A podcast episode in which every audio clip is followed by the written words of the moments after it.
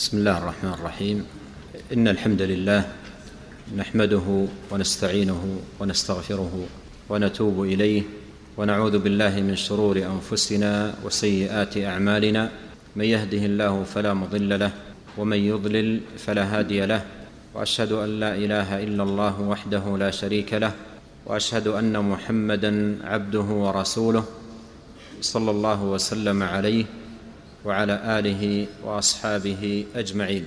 أما بعد أيها الإخوة من الدعوات العظيمة الثابتة عن نبينا صلى الله عليه وسلم وكل دعواته عظيمة ما جاء في الصحيحين أنه صلى الله عليه وسلم كان يقول في دعائه اللهم لك أسلمت وبك آمنت وعليك توكلت وإليك أنبت وبك خاصمت أعوذ بعزتك لا إله إلا أنت أن تضلني فأنت الحي الذي لا يموت والجن والإنس يموتون.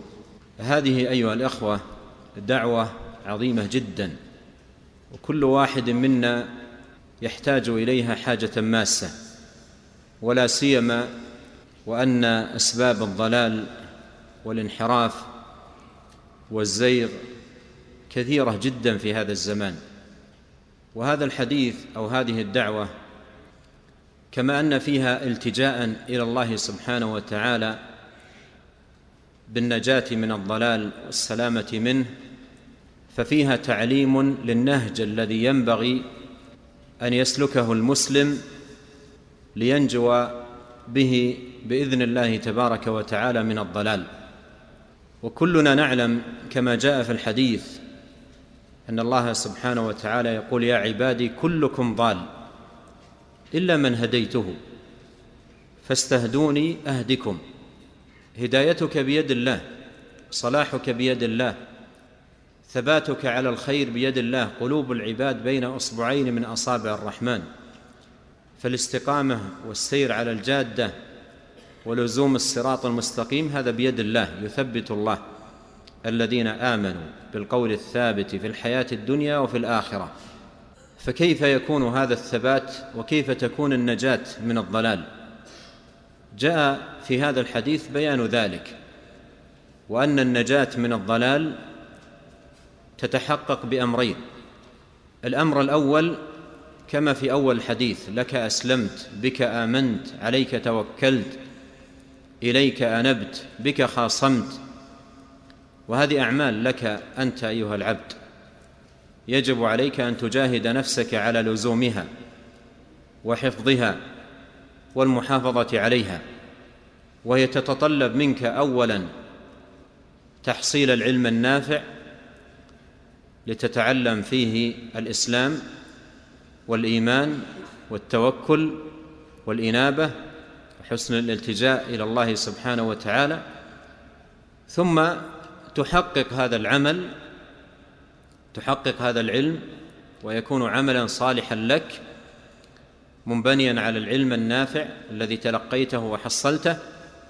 ثم الأمر الثالث تجعل هذا وسيلة لك عند الله تبارك وتعالى بأن ينجيك من الضلال.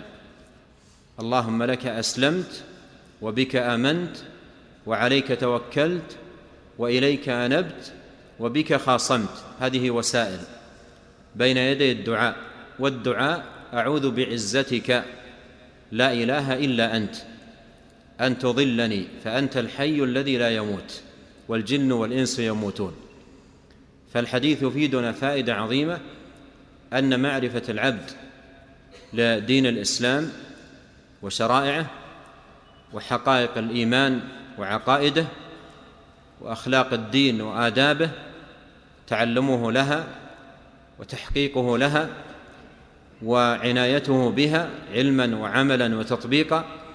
هذه الوسيلة العظيمة النافعة له بين يدي الله تبارك وتعالى في مناجاته لينجو من الضلال وليسلم من الهلاك.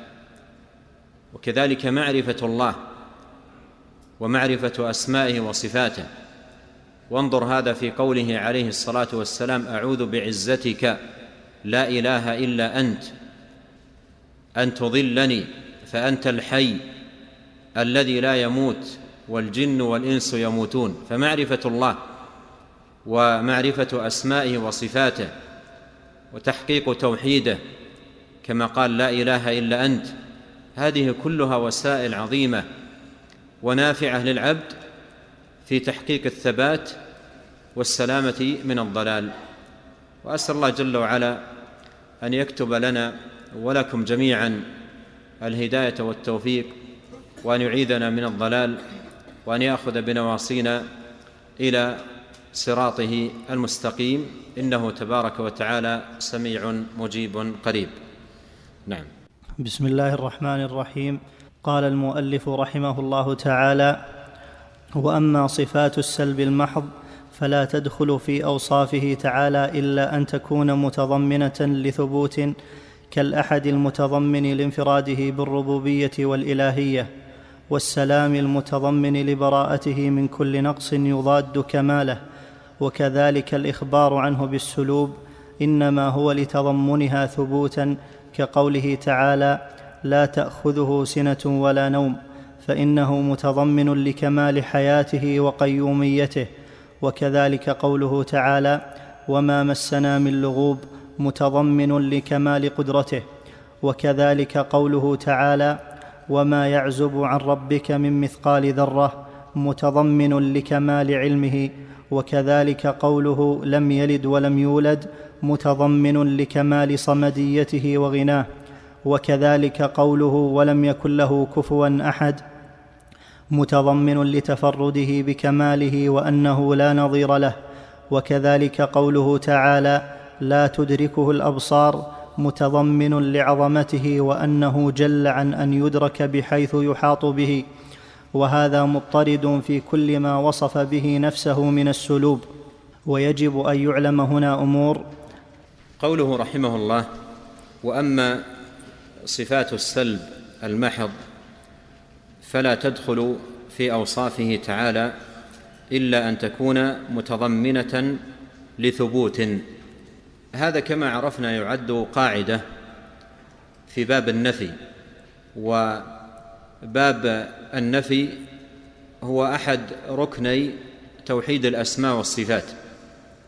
توحيد الأسماء والصفات يقوم على إثبات ما أثبته الله لنفسه وما أثبته له رسوله عليه الصلاة والسلام من صفات الكمال ونفي ما نفاه الله عن نفسه وما نفاه عنه رسوله صلى الله عليه وسلم من صفات النقص. فهذه القاعدة تتعلق بالصفات المنفية. والقاعدة هنا أن كل صفة نفيت عن الله تبارك وتعالى فالنفي فيها ليس نفيا صرفا أو نفيا محضا وإنما هو نفي متضمن لثبوت. والمراد بقوله متضمن لثبوت أي متضمن لثبوت كمال ضد المنفي فالصفة المنفية لها ضد فيؤخذ من نفي هذه الصفة ثبوت كمال ضدها لله سبحانه وتعالى لأن النفي الصرف عدم والعدم ليس بشيء ولا يدخل في صفات الله تبارك وتعالى ومدائحه والثناء عليه. فاذا القاعدة في هذا الباب أن النفي في باب الصفات ليس نفيا محضا أو نفيا صرفا وإنما هو نفي متضمن لثبوت كمال الضد لله سبحانه وتعالى. كمال الضد أي كمال ضد المنفي. فمثلا نفي اللغوب وهو التعب عنه سبحانه وتعالى هذا ليس نفيا صرفا. في قوله تعالى وما مسنا من لغوب وانما هو نفي متضمن لثبوت كمال قوه الله سبحانه وتعالى. وكذلك نفي الظلم عنه جل وعلا في قوله وما ربك بظلام للعبيد ليس نفيا صرفا وانما هو نفي متضمن لثبوت كمال العدل لله جل وعلا وهكذا قل في كل الصفات المنفية.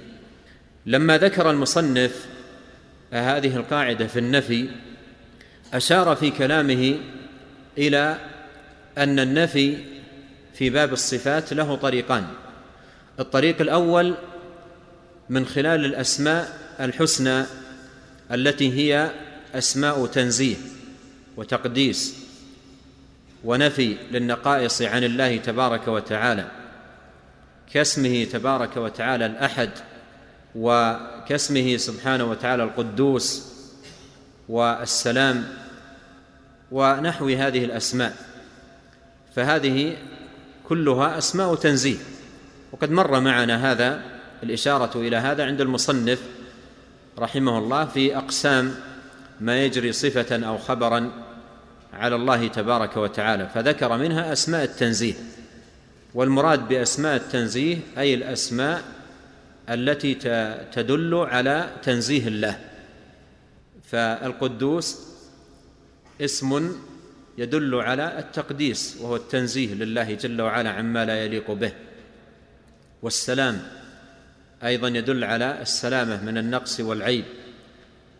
والأحد يدل على التفرد وانتفاء المثيل. وأنه سبحانه وتعالى لا, لا مثل له. قال الله أحد لم يلد ولم يولد ولم يكن له كفوا أحد فهو لا مثيل له. فاسمه الأحد يدل على تفرده وأنه سبحانه وتعالى لا مثيل له في أسمائه وصفاته ففيه تنزيه الله جل وعلا عن المثيل. فاذا هذه طريقه في آه، آه، معرفة النفي في الصفات عن طريق الأسماء الحسنى الدالة على النفي. وهذه مثل لها المصنف رحمه الله بقوله كالأحد المتضمن لانفراده بالربوبية والإلهية. وهذا التفرد فيه نفي الشرك ونفي المثيل ونفي النظير ونفي العديل. كل ذلك يدل على نفيه اسمه الأحد جل وعلا. وكذلك اسمه السلام المتضمن لبراءته من كل نقص يضاد كماله. والسلام يدل على السلامة من النقص والعيب. وكذلك القدوس من أسماء التنزيه. فهذا نوع. النوع الثاني ما أشار إليه ابن القيم رحمه الله بقوله وكذلك الإخبار عنه بالسلوب. وكذلك الإخبار عنه بالسلوب. لم يلد لم يولد وما ربك بظلام وما كان الله ليعجزه وما الله بغافل. إلى غير ذلك الإخبار عنه بالسلوب. هذا أيضا من من من هذا الباب باب صفات السلب أو صفات النفي. اذا صفات النفي تعلم من جهة أسماء التنزيه وتعلم من جهة الإخبار عنه تبارك وتعالى بالسلوب والسلب هو النفي. السلب هو النفي نفي النفي السلب هو النفي. والنفي يتناول أمرين نفي النقائص والعيوب عنه سبحانه وتعالى ويتناول نفي المثيل والنظير. ومن الأول قوله وما مسنا من من لغوب ومن الثاني قوله ليس كمثله شيء. وقوله ولم يكن له كفوا أحد. قال وكذلك الإخبار عنه بالسلوب إنما هو لتضمنه ثبوتا. إنما هو لتضمنه ثبوتا. ثم ساق أمثلة عديدة. قال كقوله تعالى لا تأخذه سنة ولا نوم فإنه متضمن لكمال حياته وقيوميته. وكذلك قوله وما مسنا من لغوب متضمن لكمال قدرته. كذلك قوله وما يعزب عن ربك من مثقال ذرة متضمن لكمال علمه. وكذلك قوله لم يلد ولم يولد متضمن لكمال صمديته وغناه. وكذلك قوله ولم يكن له كفوا أحد متضمن لتفرده بكماله وأنه لا نظير له. وكذلك قوله تعالى لا تدركه الأبصار متضمن لعظمته وأنه جل عن أن يدرك بحيث يحاط به. فهذه كلها فيها الإخبار عنه بالسلوب وهو ليس نفيا صرفا وإنما هو نفي متضمن لثبوت كمال الضد لله تبارك وتعالى. وهذه الطريقة التي عليها أهل السنة والجماعة في هذا الباب مخالفة تماما لطريقة أهل البدع الذين يكثر عندهم الإخبار عن الله تبارك وتعالى بالسلوب دون أن يكون هذا الإخبار متضمنا لمعنى ثبوتي يليق بالله وبجلاله وكماله. بل هو في الغالب آه، سلب متضمن للجحد والتعطيل. جحد الكمال ونفي الصفات لله جل وعلا. ولهذا ينبغي أن يتنبه لهذا الأمر فيما يكون من أهل الكلام مما يسمونه هم تنزيها وهو في الحقيقة تعطيل تعطيل لله جل وعلا. ولهذا قال أحد أهل العلم في التنزيه الذي يقع من من هؤلاء أو يسمونه تنزيها قال فانظر إلى تنزيه المعطلة أو انظر إلى تنزيه المتكلمين كيف أدى بهم إلى التعطيل حتى إن بعض المعتزلة يقول في تسبيحه لله جل وعلا سبحان المنزه عن الصفات فيجعلون تسبيحهم وتنزيههم وتقديسهم لله جل وعلا تعطيلا لصفاته وجحدا لها. فشتان بين الطريق الطريقتين وفرق بين السبيلين سبيل أهل الحق والهدى أهل السنة والجماعة وسبيل أهل الأهواء والبدع والضلال. نعم. قال رحمه الله تعالى ويجب أن يعلم هنا أمور. أحدها أن ما يدخل في باب الإخبار عنه تعالى أوسع مما يدخل في باب أسمائه وصفاته كالشيء والموجود والقائم بنفسه فإنه يخبر به عنه ولا يدخل في أسمائه الحسنى وصفاته العليا. قوله رحمه الله ويجب أي على من اشتغل بهذا العلم. واعتنى به وبتفاصيله وتفريعاته وتكلم في هذا الباب فإنه يجب عليه أن يتعين عليه أن يكون على علم بهذه القواعد وعلى دراية بهذه الأصول ليكون كلامه بعلم وعدل وليكون خوضه في التفاصيل مبنيا على تأصيل وتقعيد في الباب يعيد فيه جزئيات هذا الموضوع وتفاصيله إلى كلياته وأصوله. فيأمن بذلك من الخطأ ويسلم به بإذن الله من الزلل. ولهذا قال المصنف يجب والمراد بالوجوب هنا أي على من اشتغل بهذا العلم واعتنى بتفاصيله والكلام فيه. فإن من اشتغل بهذا الباب يجب عليه أن يعنى بهذه القواعد وأن يتقن هذه الأصول ليكون كلامه في هذا الباب مبنيا على علم وبعدل. وإلا كما قال ابن القيم في خاتمة هذه الأصول في تمام الرسالة كما سيأتي معنا قال وإلا فالسكوت أولى بك. السكوت أولى بك يعني أن تسكت ولا تخوض. في في مسائل هذا الباب أولى بك لأنه إن لم يكن عند المتكلم في هذا الباب آه، دراية بهذه القواعد والأصول فإنه عرضة للزلل. وإذا وقع في الزلل فالأمر جد خطير فالخطأ في أسماء الله تبارك وتعالى وصفاته ليس كالخطأ في أي أمر آخر.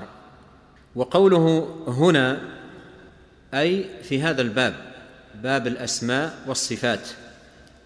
فيجب على من اشتغل بهذا العلم علم الأسماء والصفات أن يكون على علم بهذه الأمور التي تأتي تباعا عند المصنف رحمه الله. قال أحدها أن ما يدخل في باب الإخبار عن الله عنه تعالى أوسع مما يدخل في باب أسمائه وصفاته. باب الإخبار عن الله أي ما يخبر عن الله تبارك وتعالى به من المعاني الصحيحة والكلمات الطيبة وما ليس مشتملا على سيء. فهذا الباب باب الإخبار أوسع من باب الأسماء والصفات لأن باب الأسماء والصفات توقيفي فلا يسمى الله جل وعلا ولا يوصف إلا بما سمى به نفسه وبما وصف به نفسه وبما سماه به رسوله صلى الله عليه وسلم ووصفه به صلوات الله وسلامه عليه. كما قال الإمام أحمد رحمه الله ونصف الله بما وصف به نفسه وبما وصفه به رسوله صلى الله عليه وسلم لا نتجاوز القرآن والحديث. فباب الأسماء والصفات توقيفي يعني يتوقف في ألفاظه على ما جاء في الشرع. فلا يسمى الله ولا يوصف إلا بما جاء في الكتاب والسنة. أما باب الإخبار عنه سبحانه وتعالى فلا يجب أن يكون توقيفيا.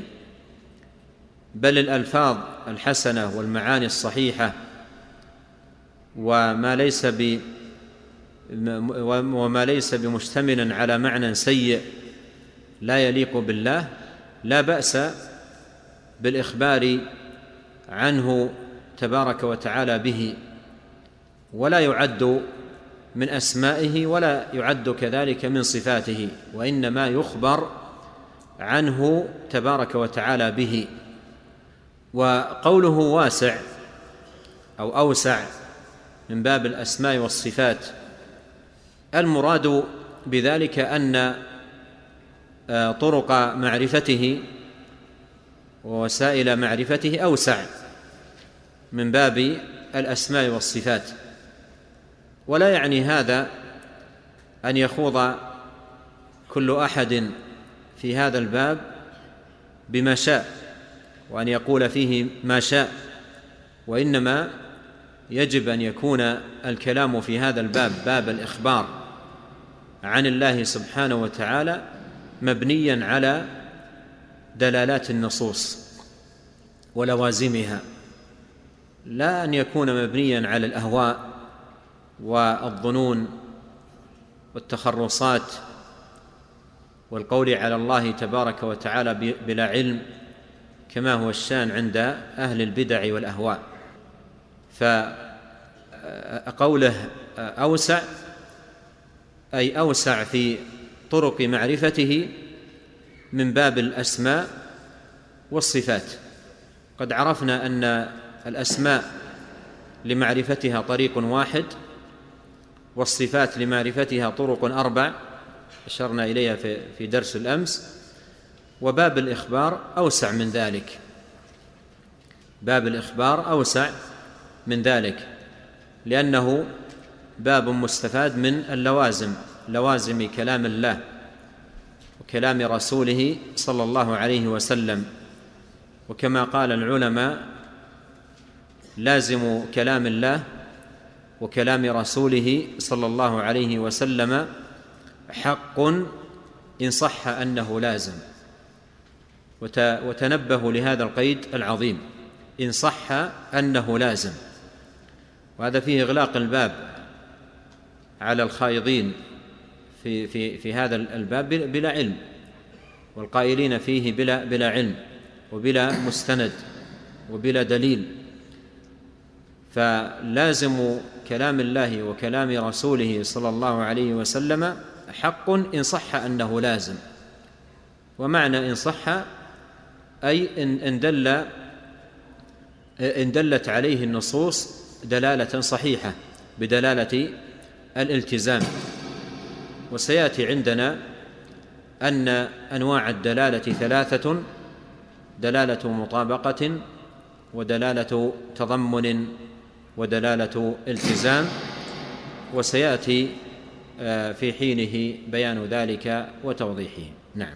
قال رحمه الله تعالى الثاني أن الصفة إذا كانت منقسمة إلى كمال ونقص لم تدخل بمطلقها في أسمائه بل يطلق عليه منها كمالها وهذا كالمريد والفاعل والصانع فإن هذه الألفاظ لا تدخل في أسمائه ولهذا غلط من سماه بالصانع عند الإطلاق بل هو الفعال لما يريد فإن الإرادة والفعل والصنع منقسمة ولهذا إنما أطلق على نفسه من ذلك أكملها فعلا وخبرا. ثم ذكر هذه القاعدة وهي قاعدة مفيدة جدا في باب الصفات وكذلك دلالات الأسماء على الصفات. فقال رحمه الله أن الصفة إذا كانت منقسمة إلى كمال ونقص لم تدخل بمطلقها في أسمائه بل يطلق عليه منها كمالها وهذا كالمريد والفاعل والصانع. هذه الأسماء المريد والفاعل والصانع دالة على صفات فالمريد دال على صفة الإرادة والفاعل دال على صفة الفعل والصانع دالة دال على صفة الصنع. والأفعال التي دلت عليها هذه الأسماء أفعال منقسمة إلى كمال ونقص منقسمة إلى كمال ونقص. فالإرادة قد تكون إرادة خير أو إرادة شر والفعل قد يكون فعل خير أو فعل شر. فالصفات التي دلت عليها هذه الأسماء صفات منقسمة. وما كان من هذا القبيل أي ما كان دالا على صفة منقسمة إلى كمال ونقص لم تدخل بمطلقها في أسمائه. لم تدخل بمطلقها في أسمائه أي في أسماء الرب جل وعلا. لماذا؟ لأن أسماء الله تبارك وتعالى كلها حسنى كما قال جل وعلا ولله الأسماء الحسنى فادعوه بها. كما قال جل وعلا الله لا إله إلا هو له الأسماء الحسنى فأسماء الله كلها حسنى والحسن فيها هو بكونها دال بكونها دالة على صفات والصفات صفات كمال فلو لم تكن دالة على صفات لم تكن حسنى. ولو لم تكن الصفات التي دلت عليها أسماؤه صفات كمال لم تكن حسنى فهي حسنى لدلالة لدلالتها على صفات الكمال. وعليه فإن الاسم الذي يدل على صفة منقسمة أي ليست صفة كمال وإنما صفة منقسمة. فما كان من هذا القبيل لا يدخل في أسمائه تبارك وتعالى. لا يدخل في أسمائه. ولهذا المريد والصانع والفاعل ونحو ذلك هذه ليست من أسماء الله الحسنى. ولا يصح أن تجعل من أسماء الله الحسنى لأن أسماء الله الحسنى كلها دالة على صفات كمال لله جل وعلا. ليست دالة على صفات منقسمة إلى كمال ونقص. ثم أمر آخر هنا وهو ما كان من هذا القبيل الصفة المنقسمة. كيف يصنع بها؟ قال رحمه الله لم تدخل بمطلقها في في أسمائه بل يطلق عليه منها كمالها بل يطلق عليه منها كمالها. ومثل قال كالمريد والفاعل والصانع. فإن هذه الألفاظ لا تدخل في أسمائه. إذن هي غير داخلة في أسمائه والصفات التي دلت عليها لا تدخل بمطلقها في صفاته. لا تدخل بمطلقها في صفاته. ولا أيضا تنفى عنه. وإنما ما الذي يفعل؟ يثبت منها كمالها لله تبارك وتعالى وينزه عز وجل عن النقص الذي تدل عليه.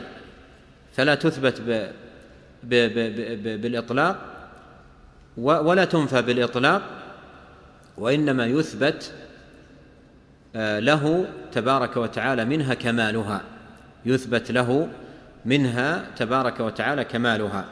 قال ولهذا غلط من سماه بالصانع عند الإطلاق. بل هو الفعال لما يريد. فإن الإرادة والفعل والصنع منقسمة. ولهذا إنما أطلق على نفسه من ذلك أكمله فعلا وخبرا. أطلق على نفسه من ذلك أكمله فعلا وخبرا. وهذه القاعدة آه، تدلنا إلى أن الأسماء في في دلالتها في دلالاتها تنقسم إلى ثلاثة أقسام. القسم الأول الأسماء التي تدل على صفات كمال لا نقص فيها بوجه من الوجوه وهذه ما هي؟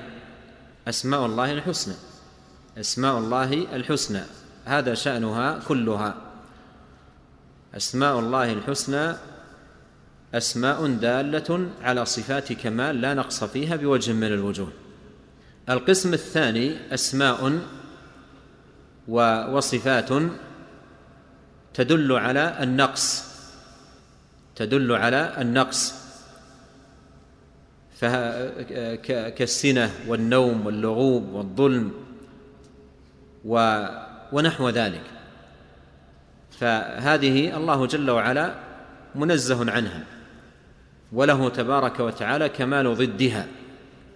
والقسم الثالث ما قرره ابن القيم رحمه الله في هذه القاعدة وهو الأسماء التي تدل على صفات منقسمة. وبين رحمه الله ما ينبغي أن يكون عليه المسلم في هذا النوع. نعم. قال رحمه الله تعالى الثالث أنه لا يلزم من الإخبار عنه بالفعل مقيدا أن يشتق له منه اسم مطلق كما غلط فيه بعض المتأخرين فجعل من أسمائه الحسنى المضله الفاتنة الماكرة تعالى الله عن قوله فإن هذه الأسماء لم يطلق عليه سبحانه منها إلا أفعال مخصوصة معينة فلا فلا يجوز أن يسمى باسمائه بأسمائها المطلقة. والله أعلم. ثم ذكر رحمه الله هذه القاعدة الثالثة أنه لا يلزم من الإخبار عنه بالفعل مقيدا أن يشتق له منه اسم مطلق.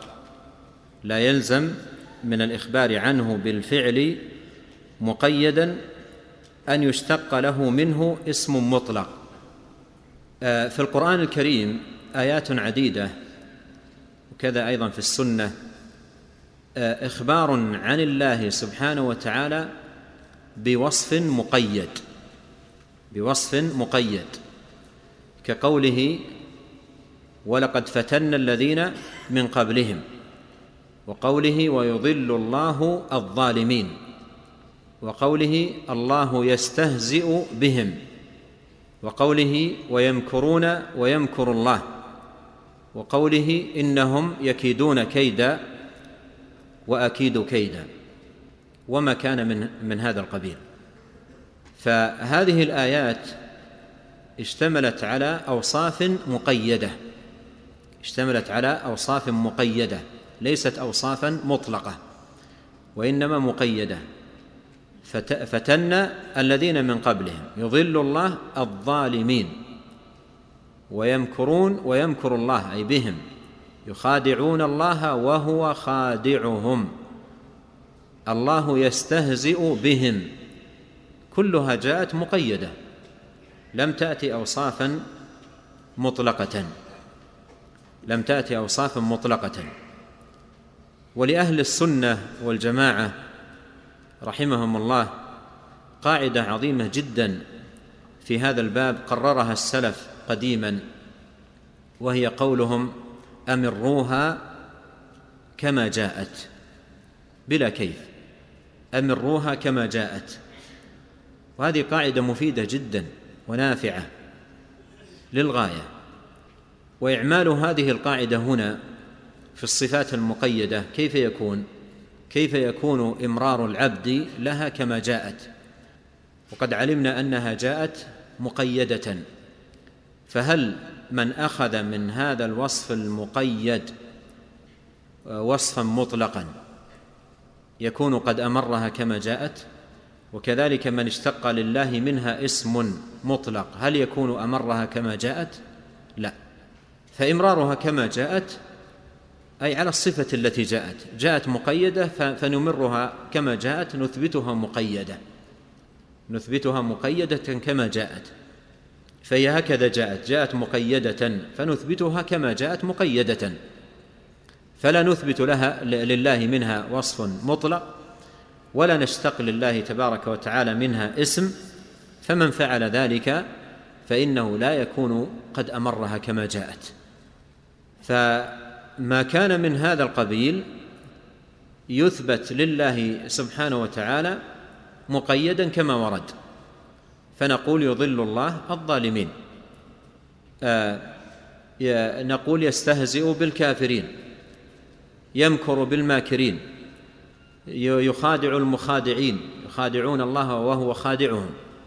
وهكذا نثبتها مقيدة كما جاءت وهذا هو إمرارها كما جاءت. قال لا يلزم من الإخبار عنه بالفعل مقيدا أن يشتق له منه اسم مطلق كما غلط فيه بعض المتأخرين.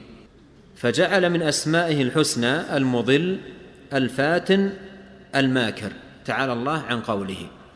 المضل اشتق هؤلاء هذا الاسم لله سبحانه وتعالى من قوله ويضل الله الظالمين والفاتن من قوله ولقد فتنا الذين من قبلهم والماكر من قوله ويمكرون ويمكر الله وأيضا مثله اشتقاقهم المستهزئ والساخر والكائد كل هذا خطأ تعالى الله عن ذلك أن يشتق لله من الوصف المقيد اسم مطلق هذا من القول على الله بلا علم والخوض في أسمائه وصفاته بالباطل. ولعل هذا ينبهنا على أهمية هذه القواعد وأن من مضى في هذا الباب بدون القواعد التي يبنى عليها الكلام في هذا الباب يزل زللا عظيما ويقع في أخطاء فاحشة.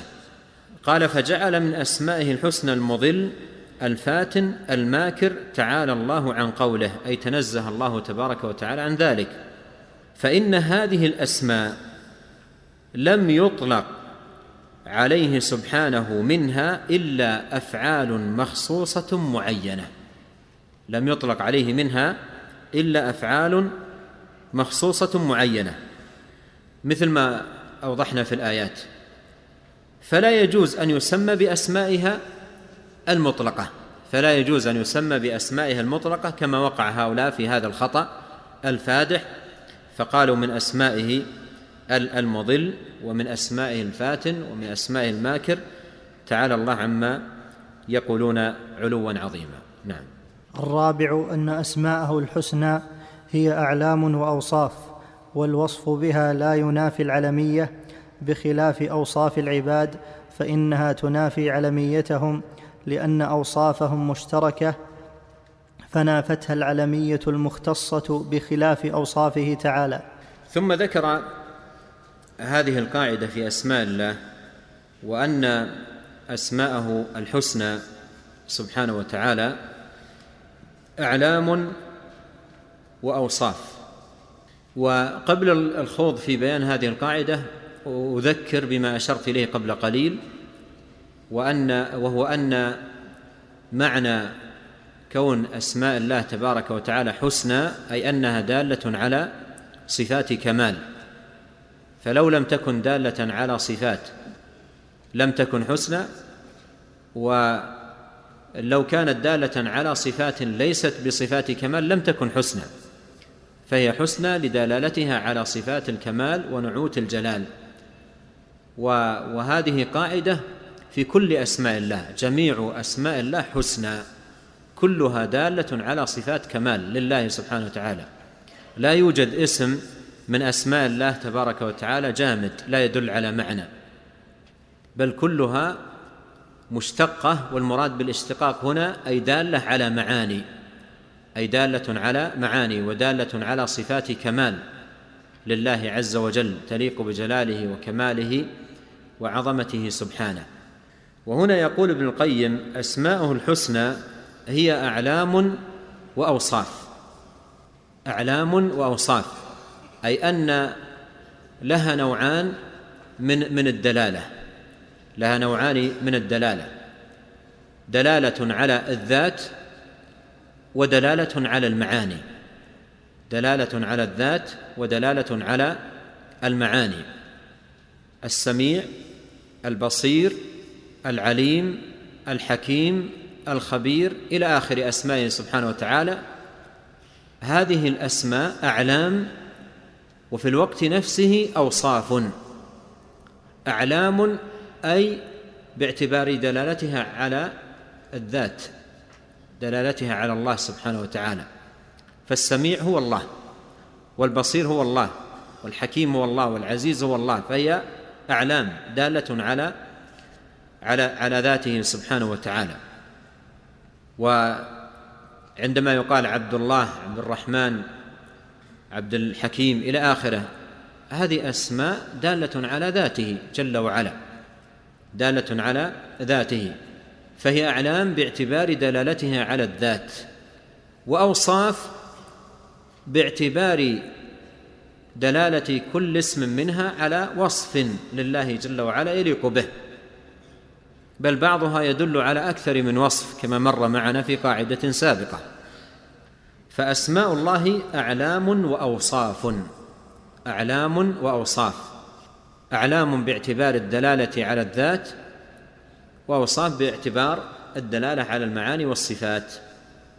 قال والوصف بها لا ينافي العلمية. الوصف بها أي بهذه الأسماء لا ينافي كونها أعلاما دالة على ذات الله سبحانه وتعالى. فمثلا السميع نأخذ منه اسم نأخذ منه صفة السمع والبصير البصر والعليم العلم والرحيم الرحمة. فدلالة هذه الأسماء على هذه الصفات لا ينافي كونها أعلاما دالة على الله سبحانه وتعالى. أعلاما دالة على الله سبحانه وتعالى. والوصف بها لا ينافي العلمية. الوصف بها لا ينافي العلمية. والوصف الذي دلت عليه هو وصف مختص بالله. لا شريك لي. لا, لا, لا مثيل له فيه. ليس كمثله شيء وهو السميع البصير. فصفاته مختصة به جل وعلا. فالوصف بها لا ينافي العلمية. بخلاف أوصاف العباد فإنها تنافي علميتهم. أوصاف العباد تنافي علميتهم. لما؟ قال لأن اوصافهم مشتركة. اوصافهم مشتركة. لو أردت أن تجعل وصفا من أوصاف العباد علما على أحدهم. فمثلا من أوصاف العباد السمع. أيمكنك أن تجعل هذا علما على أحدهم؟ أو البصر؟ أو الرحمة مثلا؟ أو غير ذلك من الأوصاف التي تكون في في العباد؟ أو مثلا الصلاح الاستقامة الهداية الرشاد؟ أيمكن أن يجعل شيء من ذلك علم على واحد منهم بعينه دون الآخرين؟ لا يمكن لانها أوصاف مشتركة. لانها أوصاف مشتركة. فمنها أوصاف مشتركة في الجميع ومنها أوصاف مختصة بأهل الإيمان مثل الصلاح والاستقامة والهداية ونحو ذلك. فهي أوصاف مشتركة. فلا تصلح أن تكون إعلاما. لا, لا تصلح أن تكون اعلاما أما أسماء الله فدلالتها على صفاته دلالة اختصاص لأن ما يضاف إلى الله سبحانه وتعالى يخصه ويليق به ولا مثيل له في أسمائه تبارك وتعالى ولا مثيل له سبحانه وتعالى في صفاته. قال لأن أوصافهم مشتركة فنافتها العلمية المختصة بخلاف أوصافه تعالى. أوصافه مختصة به. سمعه بصره علمه إرادته حكمته رحمته كل أوصافه سبحانه وتعالى مختصة به. لا مثيل له في صفاته ولا مثيل له سبحانه وتعالى في أسمائه. نعم. الخامس أن الاسم من أس... أن الاسم من أسمائه له دلالة على الذات والصفة بالمطابقة ودلالة على أحدهما بالتضمن ودلالة على الصفة الأخرى باللزوم. وهذه قاعدة تتعلق بدلالات الأسماء الحسنى. دلالات الأسماء الحسنى. ومن المعروف أن أنواع الدلالات ثلاثة مطابقة وتضمن والتزام. ودلالة المطابقة هي دلالة اللفظ على كامل معناه. ودلالة التضمن هي دلالة اللفظ على بعض معناه. ودلالة الالتزام هي دلالة اللفظ على أمر خارج معناه. فهذه أنواع الدلالات الثلاثة. فهل دلالات الأسماء الحسنى مقصورة على دلالة المطابقة؟ أم أنها شاملة لأنواع الدلالات الثلاثة المطابقة والتضمن والالتزام؟ فهذه قاعدة نبه فيها المصنف رحمه الله إلى أن دلالات الأسماء الحسنى متناولة لأنواع الدلالة الثلاثة المطابقة والتضمن والالتزام. فمثلا من أسماء الله سبحانه وتعالى الحي الحي. إن أخذت من هذا الاسم نوعي الدلالة. الدلالة على الذات والدلالة على الصفة. قد عرفنا في القاعدة السابقة أن للأسماء الحسنى أن للأسماء الحسنى ماذا؟ دلالتين دلالة على الذات ودلالة على الصفات. فهي باعتبار الدلالة على الذات أعلام وباعتبار الدلالة على على الصفات أو المعاني أوصاف. فإذا أخذت من الاسم الدلالتين. دلالة على المطابقة الدلالة على الاسم وعلى الصفة. عفوا الدلالة على الذات وعلى الصفة. فمثلا أخذت من الحي. الدلالة على ذاته يعني دلالة هذا الاسم على ذاته وأخذت منه دلالته على صفة الحياة. فهذا هذه الدلالة ما نوعها؟ مطابقة. لأن لأنك أخذت من اللفظ دلالته على كامل معناه. دلالته على كامل معناه فهذه الدلالة مطابقة. وإذا أخذت من من من هذا الاسم أحد هذين الأمرين فأثبتت منه الحياة فالدلالة هنا دلالة تضمن. يدل على صفة الحياة تضمنا. يدل على صفة الحياة تضمنا. ويدل على الحياة والذات مطابقة. يدل على الحياة والذات مطابقة ويدل على الذات وحدها أو على الحياة وحدها تضمنا. ثم إن أثبتت من هذا الاسم صفات أخرى يدل عليها الاسم لزوما كالسمع والبصر والإرادة ونحو ذلك فما نوع الدلالة هنا؟ دلالة التزام.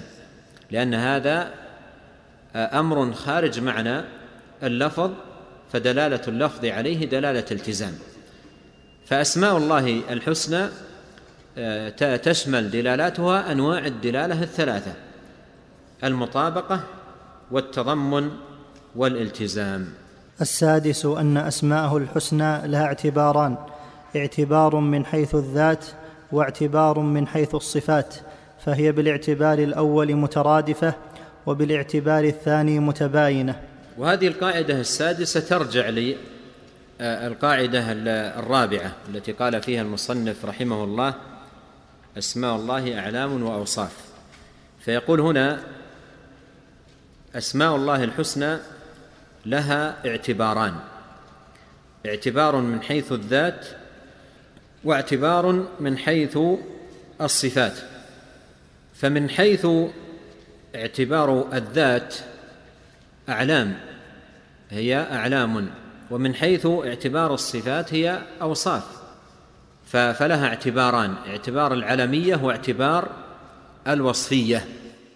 للأسماء الحسنى اعتباران اعتبار من حيث الذات يعني من حيث دلالة الاسم على الذات واعتبار من حيث الصفات أي من حيث اعتبار دلالة الاسم على الصفات فلها اعتباران. ماذا يترتب على ذلك؟ قال فهي بالاعتبار الأول مترادفة وبالاعتبار الثاني متباينة. بالاعتبار الأول أي دلالتها على الذات مترادفة وبالاعتبار الثاني أي دلالتها على الصفات متباينة. وعليه لو قيل لك أسماء الله الحسنى مترادفة أو متباينة. إن قلت مترادفة أخطأت وإن قلت متباينة أخطأت ولا يستقيم لك جواب إلا بمعرفة هذه القاعدة. لا يستقيم لك جواب إلا بمعرفة هذه القاعدة. فتقول أسماء الله باعتبار دلالتها على الذات مترادفة وباعتبار دلالتها على الصفات متباينة. أعيد السؤال بصيغة أخرى.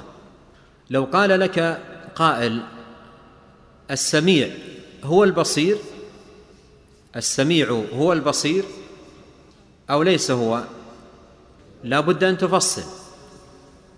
تقول له إن كنت تريد دلالة الاسمين على ذات الله فالسميع هو البصير هو الله جل وعلا. وإن كنت تريد السميع هو البصير باعتبار ما دل عليه السميع من صفة وما دل عليه البصير من صفة فهو غيره. هذا يدل على صفة السمع وهذا يدل على صفة البصر.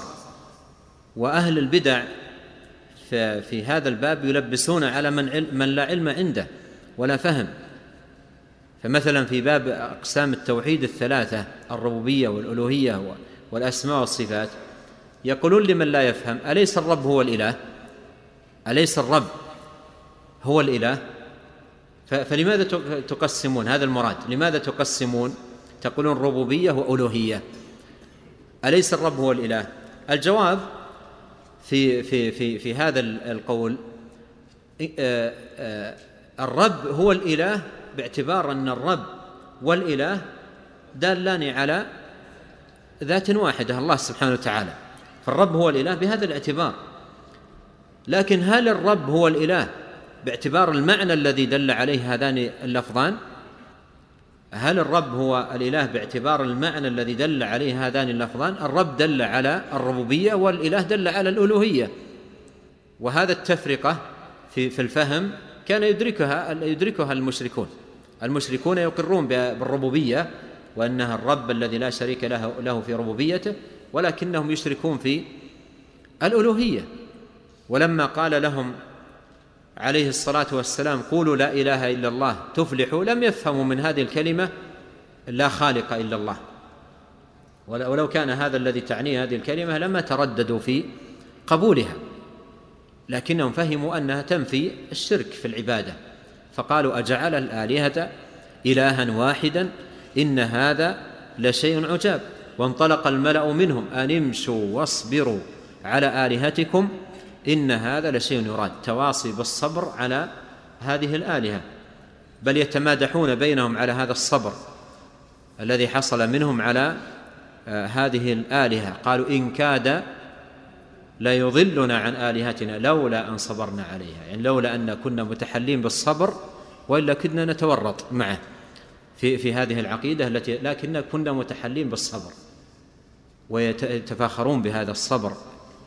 إن كاد لا يضلنا عن آلهتنا لولا أن صبرنا عليها.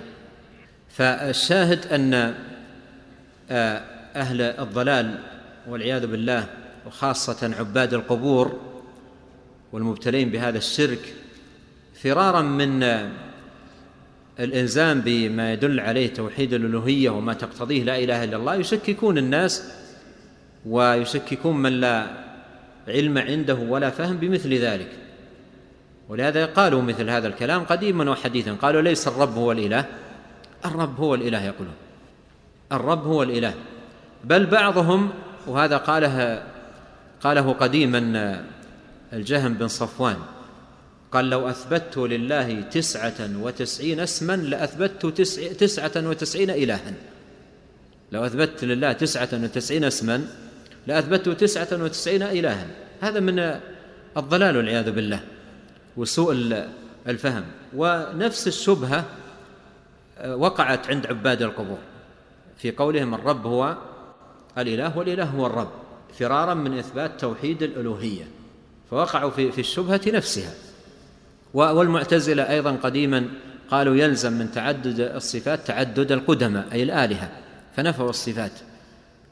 نفوا الصفات فأثبتوا أعلاما محضة وهؤلاء على جادتهم. الرب هو الإله يريدون إثبات الربوبية ولا يثبتون الألوهية. وقد قال ابن عباس الله ذو الألوهية والعبودية على خلقه أجمعين. وانظر كمال الفقه في فهم أسماء الله. قال الله ذو الألوهية والعبودية فأثبت من هذا الاسم أمرين. الأمر الأول وصف الله وهو الألوهية التي هي صفات الجمال والجلال التي استحق بها أن يؤله أن يؤله ويقصد وحده تبارك وتعالى بالعبادة دون سواه. وأثبت الأمر الآخر وهو فعل العبد العبودية وتذلله وخضوعه لله. فهذا هو فقه الصحابة رضي الله عنهم وهو فقه من اتبعهم بإحسان. أما أهل الأهواء والبدع فليس عندهم إلا الزيغ والعياذ بالله واتباع المتشابه والخوض في الله وأسمائه وصفاته بلا علم. فاذا هذه القاعدة قاعدة مفيدة جدا في هذا الباب معرفة الاعتبارات في أسماء الله الحسنى وأن لها اعتباران اعتبار من حيث الذات واعتبار من حيث الصفات فهي بالاعتبار الأول مترادفة وبالاعتبار الثاني متباينة. نعم. السابع أن ما يطلق عليه في باب الأسماء والصفات توقيفي وما يطلق عليه في باب الإخبار لا يجب أن يكون توقيفيا كالقديم والشيء والموجود والقائم بنفسه. فهذا فصل الخطاب في مسألة أسمائه هل هي توقيفية أو يجوز أن يطلق أو يجوز أن يطلق عليه منها أو يجوز أن يطلق عليه منها بعض ما لم يرد به السمع. في القاعدة الأولى أشار ابن القيم رحمه الله أن ما يدخل في باب الإخبار عنه تعالى أوسع مما يدخل في باب أسمائه وصفاته كالشيء والموجود ومضى الكلام على هذا الباب أو على هذه القاعدة. هنا قال في القاعدة السابعة أن ما يطلق عليه في باب الأسماء والصفات توقيفي. توقيفي. ومعنى توقيفي أي يتوقف في إثباته على الدليل. قال الله قال رسوله صلى الله عليه وسلم. آه آه هذا هذا معنى توقيفي. أي يتوقف على إثباته على الدليل قال الله قال رسوله صلى الله عليه وسلم. فأسماء الله وصفاته توقيفية أي لا يثبت شيء منها إلا بالدليل. ومر معنا قريبا قول الإمام أحمد رحمه الله نصف الله بما وصف به نفسه وبما وصفه به رسوله صلى الله عليه وسلم لا نتجاوز القرآن والحديث. قوله لا نتجاوز القرآن والحديث هذا هو التوقيف. يعني نتوقف على دلالة القرآن والحديث. والأوزاعي رحمه الله يقول ندور مع السنة حيث دارت. ندور مع السنة حيث دارت أي نفيا وإثباتا. فما أثبت فيهما أثبتناه وما نفي فيهما نفيناه ولا نتجاوز القرآن والحديث. وهذه جادة أهل السنة. هذه جادة أهل السنة يتوقفون في الأسماء والصفات على ما جاء في كتاب الله وما جاء في سنة رسوله عليه الصلاة والسلام. قال وما يطلق عليه في باب الإخبار. وقد عرفنا سابقا أن باب الإخبار أوسع. باب الإخبار أوسع. ويعرف من آه، آه، آه، الالتزام وقد عرفنا أيضا أن كلام أن كلام أن لازم كلام الله وكلام رسوله صلى الله عليه وسلم حق إن صح أنه لازم. فباب الإخبار عن الله تبارك وتعالى أوسع. لا يجب أن يكون توقيفيا. لا يجب أن يكون توقيفيا. لا يجب أن يكون اللفظ وارد في التوقيف أي في الدليل في الكتاب والسنة.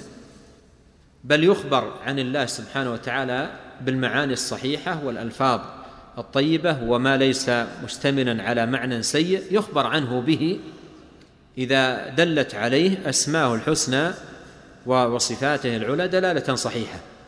إذا دلت عليه أسماءه الحسنى وصفاته العلى دلالة صحيحة فإنه يخبر عن الله تبارك وتعالى به. فهذا النوع لا يجب أن يكون توقيفيا. لا يجب أن يكون توقيفيا.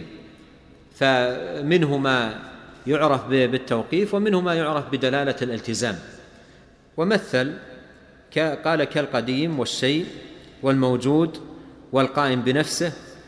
يمكن أن يستدل الشيء بقوله قل أي شيء أكبر شهادة. لكن الشيء ليس صفة وإنما يخبر عن الله بأنه شيء. ويخبر عنه بأنه شخص كما جاء في الحديث لا شخص أغير من الله. ويخبر عنه بأنه قديم لكن القديم ليس من أسمائه.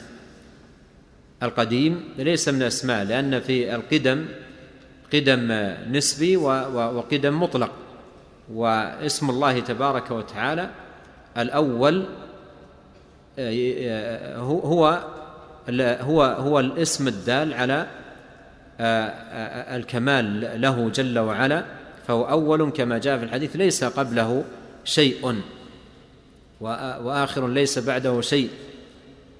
فما كان من هذا القبيل باب الإخبار لا يجب أن يكون توقيفيا كالقديم والشيء والموجود. والموجود هذه اللفظة لم ترد بلفظها في القرآن ولا في السنة لكن يخبر عن الله بأنه موجود. يخبر عن الله تبارك وتعالى بأنه موجود فهي داخلة في باب آه، الإخبار عن الله سبحانه وتعالى. ولا يقال من أسمائه الموجود. لا يقال من أسماء الله الحسنى الموجود بل يخبر عنه تبارك وتعالى بذلك. والقائم بنفسه والقائم بنفسه. وهذا أيضا يخبر عن الله تبارك وتعالى به. القائم بنفسه. فهذا فصل الخطاب في مسألة أسمائه. هل هي توقيفية أو أو يجوز أن يطلق أن يطلق عليه منها بعض ما لم يرد به السمع؟ لو طرح هذا السؤال على ضوء القاعدة التي آه، هي فصل الخطاب في هذا الباب ماذا يكون جوابه؟ هل هي توقيفية أو يجوز أن يطلق عليه منها بعض ما لم يرد به السمع. نقول ماذا؟ نقول في باب الأسماء الحسنى التي يدعى بها ويعبد لله تبارك وتعالى بها هذه توقيفية.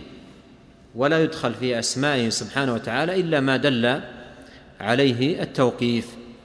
وأما الأسماء التي تدل على معاني صحيحة و و ودلالات صحيحة ولا تدل على معاني سيئة لا تليق بالله سبحانه وتعالى فهذه يخبر عن الله بها من باب الإخبار.